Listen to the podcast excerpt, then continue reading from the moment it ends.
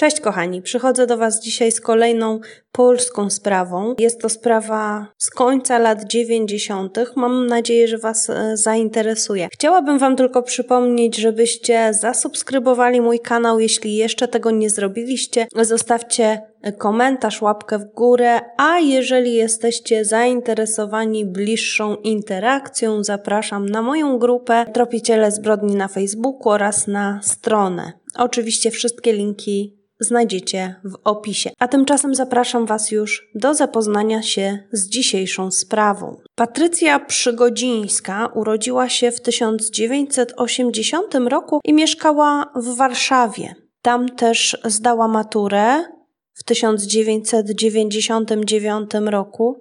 Jej marzeniem było studiowanie psychologii. Młoda kobieta bardzo przyłożyła się do nauki i dzięki temu została przyjęta na pierwszy rok psychologii na Wyższej Szkole Psychologii Społecznej, która dziś nosi nazwę Uniwersytet Humanistyczny. Latem 1999 roku uczelnia, na którą przyjęto Patrycję, zorganizowała wyjazd integracyjny dla przyszłych studentów pierwszego roku. Obozowicze mieli spędzić wspólnie kilka dni w Gdańsku. Grupa dotarła do Trójmiasta w poniedziałek 23 sierpnia 1999 roku. Patrycja przyjechała pociągiem z Warszawy. Nocleg dla studentów zorganizowany był w Akademiku Politechniki Gdańskiej przy ulicy Wyspiańskiego.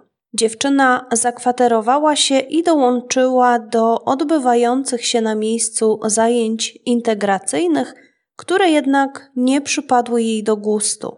W tym samym czasie w Gdańsku przebywała również koleżanka Patrycji o imieniu Małgorzata. Młode kobiety postanowiły, że spotkają się w środę 25 sierpnia i spędzą trochę czasu razem. Zatem w środę dziewczęta spotkały się i po kilku godzinach spędzonych razem postanowiły wybrać się na imprezę. Patrycja wraz e, z koleżanką udały się do pokoju Patrycji w akademiku, gdzie dziewczyna przebrała się. I wychodząc z akademika, miała na sobie czarne spodnie, fioletowo-różową bluzkę oraz niebieski sweterek. W artykule pana Huberta Cordosa e, na portalu Bez Przedawnienia czytamy, cytuję. Zabrała też ze sobą jasny plecak, w którym miała portfel z dokumentami, kartą płatniczą PKOBP oraz nieustaloną kwotą pieniędzy. W plecaku Znajdowała się też szczoteczka do zębów, Walkman z kilkoma kasetami i aparat fotograficzny.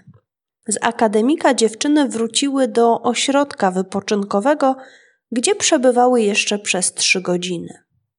Około 22 Patrycja i Gosia oraz dwie inne dziewczyny pojawiły się w znanej gdańskiej dyskotece. Balladyna bo tak nazywał się ten klub, mieściła się przy ulicy Hallera w dzielnicy Brzeźno. Czwórka dziewczyn była w zasadzie pierwszymi gośćmi tego wieczora, jednak szybko pojawiali się kolejni. Dziewczyny zamówiły piwo z tekilą, piły też szampana, którego postawili im dwaj nieznani mężczyźni. Jeden z nich miał około 35 40 lat, drugi był nieco starszy. Patrycja podeszła do ich stolika, przez chwilę rozmawiali, później z młodszym z fundatorów tańczyła i rozmawiała przy barze. Nie podobało się to Gosi, która około północy zarządziła zmianę lokalu. Koniec cytatu. Patrycja nie była zadowolona z takiego pomysłu koleżanek, Chciała ona pozostać w klubie Balladyna. Poza tym, jeden e, z poznanych w klubie mężczyzn zaproponował, że odwiezie ją do akademika. Patrycja uznała jednak, że skoro przyszła na imprezę z koleżankami, to z nimi spędzi całą noc. I z klubu Balladyna dziewczęta udały się do klubu Kalifornia. Na odchodnym Patrycja szepnęła coś jeszcze do ucha jednemu z mężczyzn, którzy postawili dziewczętom szampana. Dziewczęta szły do drugiej dyskoteki pieszo. Patrycja nie szła bezpośrednio z koleżankami. Cały czas była kilkanaście metrów za nimi w pewnej odległości, w dodatku po drugiej stronie ulicy. Koleżanki widziały, jak po drodze Patrycja zaczepiła dwóch młodych chłopaków, nie wiadomo w jakim celu i o czym z nimi rozmawiała. Kilka minut później zatrzymała przejeżdżającą taksówkę i był to żółty Mercedes, tak zwana beczka. W tym czasie koleżanki dotarły już do klubu Kalifornia, weszły do środka, nie czekając na swoją koleżankę, ale po kilku minutach wyszły z lokalu, żeby sprawdzić, gdzie jest Patrycja. Dziewczyny nie było nigdzie w okolicy. Gosia i pozostałe dziewczęta uznały, że ich towarzyszka mogła wsiąść do taksówki i pojechać do akademika, w którym nocowała. Wszystkie dziewczyny udały się zatem do swoich miejsc noclegowych. Z zeznań świadków wiadomo jednak, że Patrycja nie pojechała wówczas na ulicę Wyspiańskiego, tylko wróciła do klubu Balladyna, z którego wcześniej wyszła z koleżankami. Okazało się, że panowie, których wcześniej tego wieczoru poznała w lokalu, opuścili już dyskotekę. Dziewczyna postanowiła jednak bawić się sama, tańczyła i piła piwo z tequilą. E, alkoholu wypiła sporo, podobno ledwo trzymała się na nogach. Wychodząc z lokalu, wyjęła z plecaka gaz łzawiący, który próbowała rozpylić w lokalu. Została wówczas wyprowadzona przez ochronę. Wiadomo, że było wówczas około godziny trzeciej nad ranem. Patrycja usiadła na murku przed lokalem i tam próbowała dojść do siebie.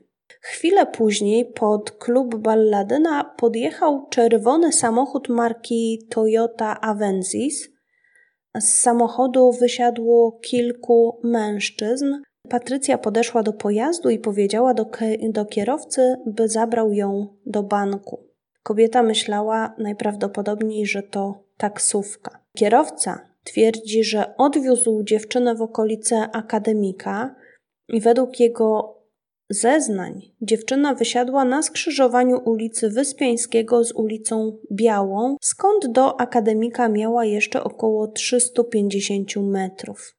Mimo tego, że dziewczyna była tak blisko miejsca, w którym miała nocować, nigdy nie dotarła na miejsce. Następnego dnia również nie pojawiła się w swoim pokoju i nie brała także udziału w kolejnych zajęciach integracyjnych.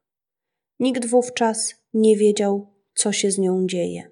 26 sierpnia 1999 roku wędkarz spędzający czas nad rzeką Strzelniczką zauważył, że pod mostem w pobliżu miejsca jego połowów leży coś, co przypomina manekina. Gdy zbliżył się do znaleziska, zorientował się, że są to zwłoki ludzkie. O 15.30 znalezienie zwłok zgłoszono na komisariacie policji w pobliskim Żukowie. Ofiara nie miała przy sobie żadnych dokumentów, które mogłyby potwierdzić jej tożsamość. Miała natomiast na sobie część garderoby, Choć e, ciało było częściowo obnażone, to na miejscu znaleziono również jej ubrania oraz biżuterię w niewielkiej odległości od ciała. Psu, którego sprowadzono na miejsce, dano do obwąchania stanik leżący nad brzegiem rzeki. Mm, pies podjął trop i poprowadził przewodnika do lasu oddalonego o kilkaset metrów od miejsca porzucenia zwłok. W miejscu, do którego doprowadził pies, znaleziono damskie majtki.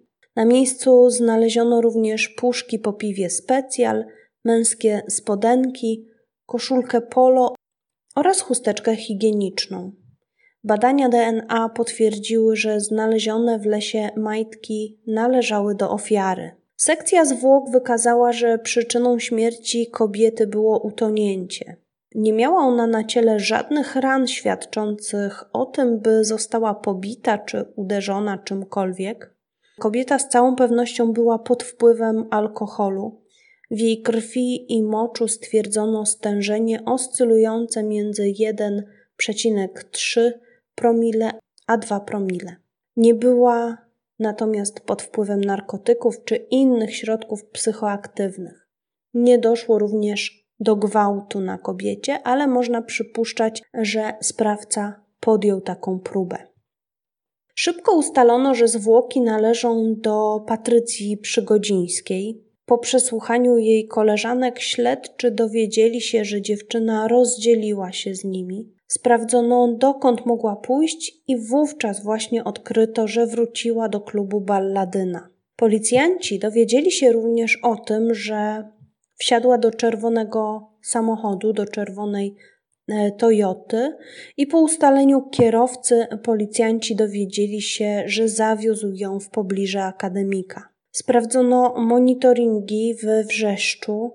Niestety nie było kamer w miejscu, gdzie dziewczyna miała wyjść czy wysiąść z samochodu, ale sprawdzono na przykład e, monitoring przy bankomatach oraz w rynku mm, we Wrzeszczu. Kamer było oczywiście o wiele mniej niż obecnie, ale e, wszystko sprawdzono bardzo dokładnie i Patrycji nie zarejestrowała żadna ze sprawdzonych kamer. Pierwszym i wydawać by się mogło najbardziej oczywistym podejrzanym stał się kierowca czerwonej Toyoty, który odwoził Patrycję do akademika. Jednak policjanci twierdzą, że ten wątek sprawdzono bardzo dokładnie i kierowcę wykluczono. Kolejnym założeniem było to, że po tym, gdy dziewczyna wysiadła z pojazdu, mogła na swojej drodze spotkać kogoś, kto ją uprowadził lub będąca pod wpływem alkoholu dziewiętnastolatka wsiadła do czyjegoś samochodu z własnej woli. Patrycja tamtej nocy nie wypłaciła z konta żadnych pieniędzy. Nikt również nie posłużył się jej kartą już po jej śmierci. Zakłada się, że Patrycja wsiadła do czyjegoś samochodu i została wywieziona w okolice Leźna, gdzie później znaleziono jej ciało. Prawdopodobnie jej plecak pozostał w pojeździe napastnika, który mógł próbować wykorzystać pijaną dziewczynę. E, jej rozerwane ubranie może świadczyć, że padła ofiarą próby ataku na tle seksualnym. W okolicy znalezienia ciała poszukiwano świadków śmierci Patrycji. E, zgłosili się świadkowie, którzy około godziny 4.10 nad ranem 26 sierpnia słyszeli krzyki kobiety, i te krzyki brzmiały: Pomocy, ludzie, ratunku. Po kilku minutach krzyki te usłyszeli ponownie, po czym one ucichły. Świadkowie nie zareagowali na wołanie. Dziesięć dni przed śmiercią Patrycji w tej samej okolicy ktoś prawdopodobnie usiłował zgwałcić młodą dziewczynę. Świadkowie twierdzili, że 16 sierpnia 1999 roku o godzinie czwartej nad ranem dziewczyna w wieku około 19 lat uciekała z lasu w okolicach Leźna. Dziewczyna była szczupła, miała długie, czarne i lekko kręcone włosy. Uciekała ona przez las. Prawdopodobnie jakiś nieokreślony mężczyzna usiłował ją zgwałcić. Ta dziewczyna była później widziana w autobusie jadącym do Gdańska i wysiadła w rejonie Urzędu Miejskiego. Ona najprawdopodobniej nigdy nie zgłosiła się na policję. Dziesięć dni później w podobnej okolicy życie straciła Patrycja. I można przypuszczać, że w obu przypadkach mamy do czynienia z tym samym sprawcą. Z tego względu przypuszcza się też, że tamta dziewczyna mogła widzieć mężczyznę, który kilka dni później uprowadził Patrycję. Niestety, z uwagi na to, że dziewczyna nie zgłosiła tej próby gwałtu, nie złożyła zeznań, to niestety nie wiemy, kto e, tę dziewczynę uprowadził, kto próbował ją zgwałcić. Na podstawie do, dowodów zabezpieczonych w miejscu odnalezienia ciała Patrycji oraz tego, w którym znaleziono jej bieliznę, Ustalono przypuszczalny przebieg wydarzeń tamtej nocy. Przypuszcza się, że dziewiętnastoletnia Patrycja wsiadła do czyjegoś samochodu w Gdańsku, prawdopodobnie po tym jak wysiadła z czerwonej Toyoty. Następnie pojechała z tą osobą w okolicy Leźna, Żukowa, gdzie kierowca samochodu próbował ją zgwałcić. I po nieudanej próbie tego gwałtu napastnik wrzucił dziewczynę do rzeki, gdzie utonęła. Albo dziewczyna z powodu spożytego alkoholu nie była w stanie się uratować, albo wręcz napastnik przytrzymał jej głowę pod wodą. I ten szczegół wbrew pozorom jest bardzo istotny, ponieważ według prawa mielibyśmy do czynienia z nieszczęśliwym wypadkiem lub morderstwem. I mimo zrekonstruowania sprawy Patrycji w magazynie kryminalnym 997 nie udało się odnaleźć sprawcy ataku na dziewczynę. Jeden z telewidzów zadzwonił natomiast do redakcji z informacją, że w sierpniu 1999 roku widział w okolicy miejsca odnalezienia ciała Patrycji czerwony samochód kombi, ale tutaj niestety nie określono, którego dokładnie dnia sierpnia się to wydarzyło.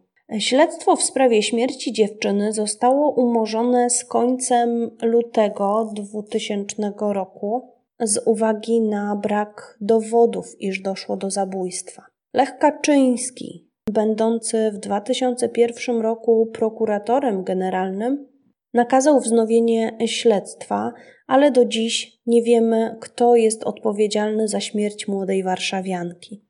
Ta śmierć łączona jest z innymi przypadkami zabójstw na Pomorzu, chociażby ze sprawą Justyny Węsierskiej, która po raz ostatni widziana była na przystanku PKS w Leźnie i było to w czerwcu 1994 roku, na pięć lat przed śmiercią Patrycji. Kolejny przypadek to sprawa Ewy Miotk z Sierakowic, E, dziewczynę zamordowano w maju 1995 roku, natomiast w sierpniu 1997 zamordowana została pochodząca z Dolnego Śląska Alicja Baran. E, jechała ona nad morze i prawdopodobnie skorzystała mm, z okazji. Chciała dojechać na tak zwanego stopa na trasie Lemborg-Łeba jej ciało znaleziono w lesie nieopodal miejscowości Stegnica. Żadna z tych spraw nie została do tej pory rozwiązana i miejmy nadzieję, że zabójca, a może zabójcy, nie unikną kary i policja lada dzień zapuka do ich drzwi z nakazem aresztowania. I to już wszystko w dzisiejszym odcinku. Dziękuję Wam za wysłuchanie niniejszej historii, a tymczasem trzymajcie się ciepło i uważajcie na siebie. Cześć!